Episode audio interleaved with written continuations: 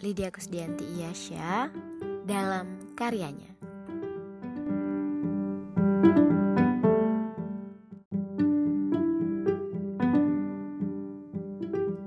Rasanya semua masih mimpi. Hanya kaki yang menapak di awang-awang. Lalu bulir impian itu berpendar. Terseret arus katanya. Aku gak tahu mana yang harus dipercaya. Masa lalu atau masa depan? Yang dekat atau yang jauh? Sendiri atau bersama. Tapi tak apa.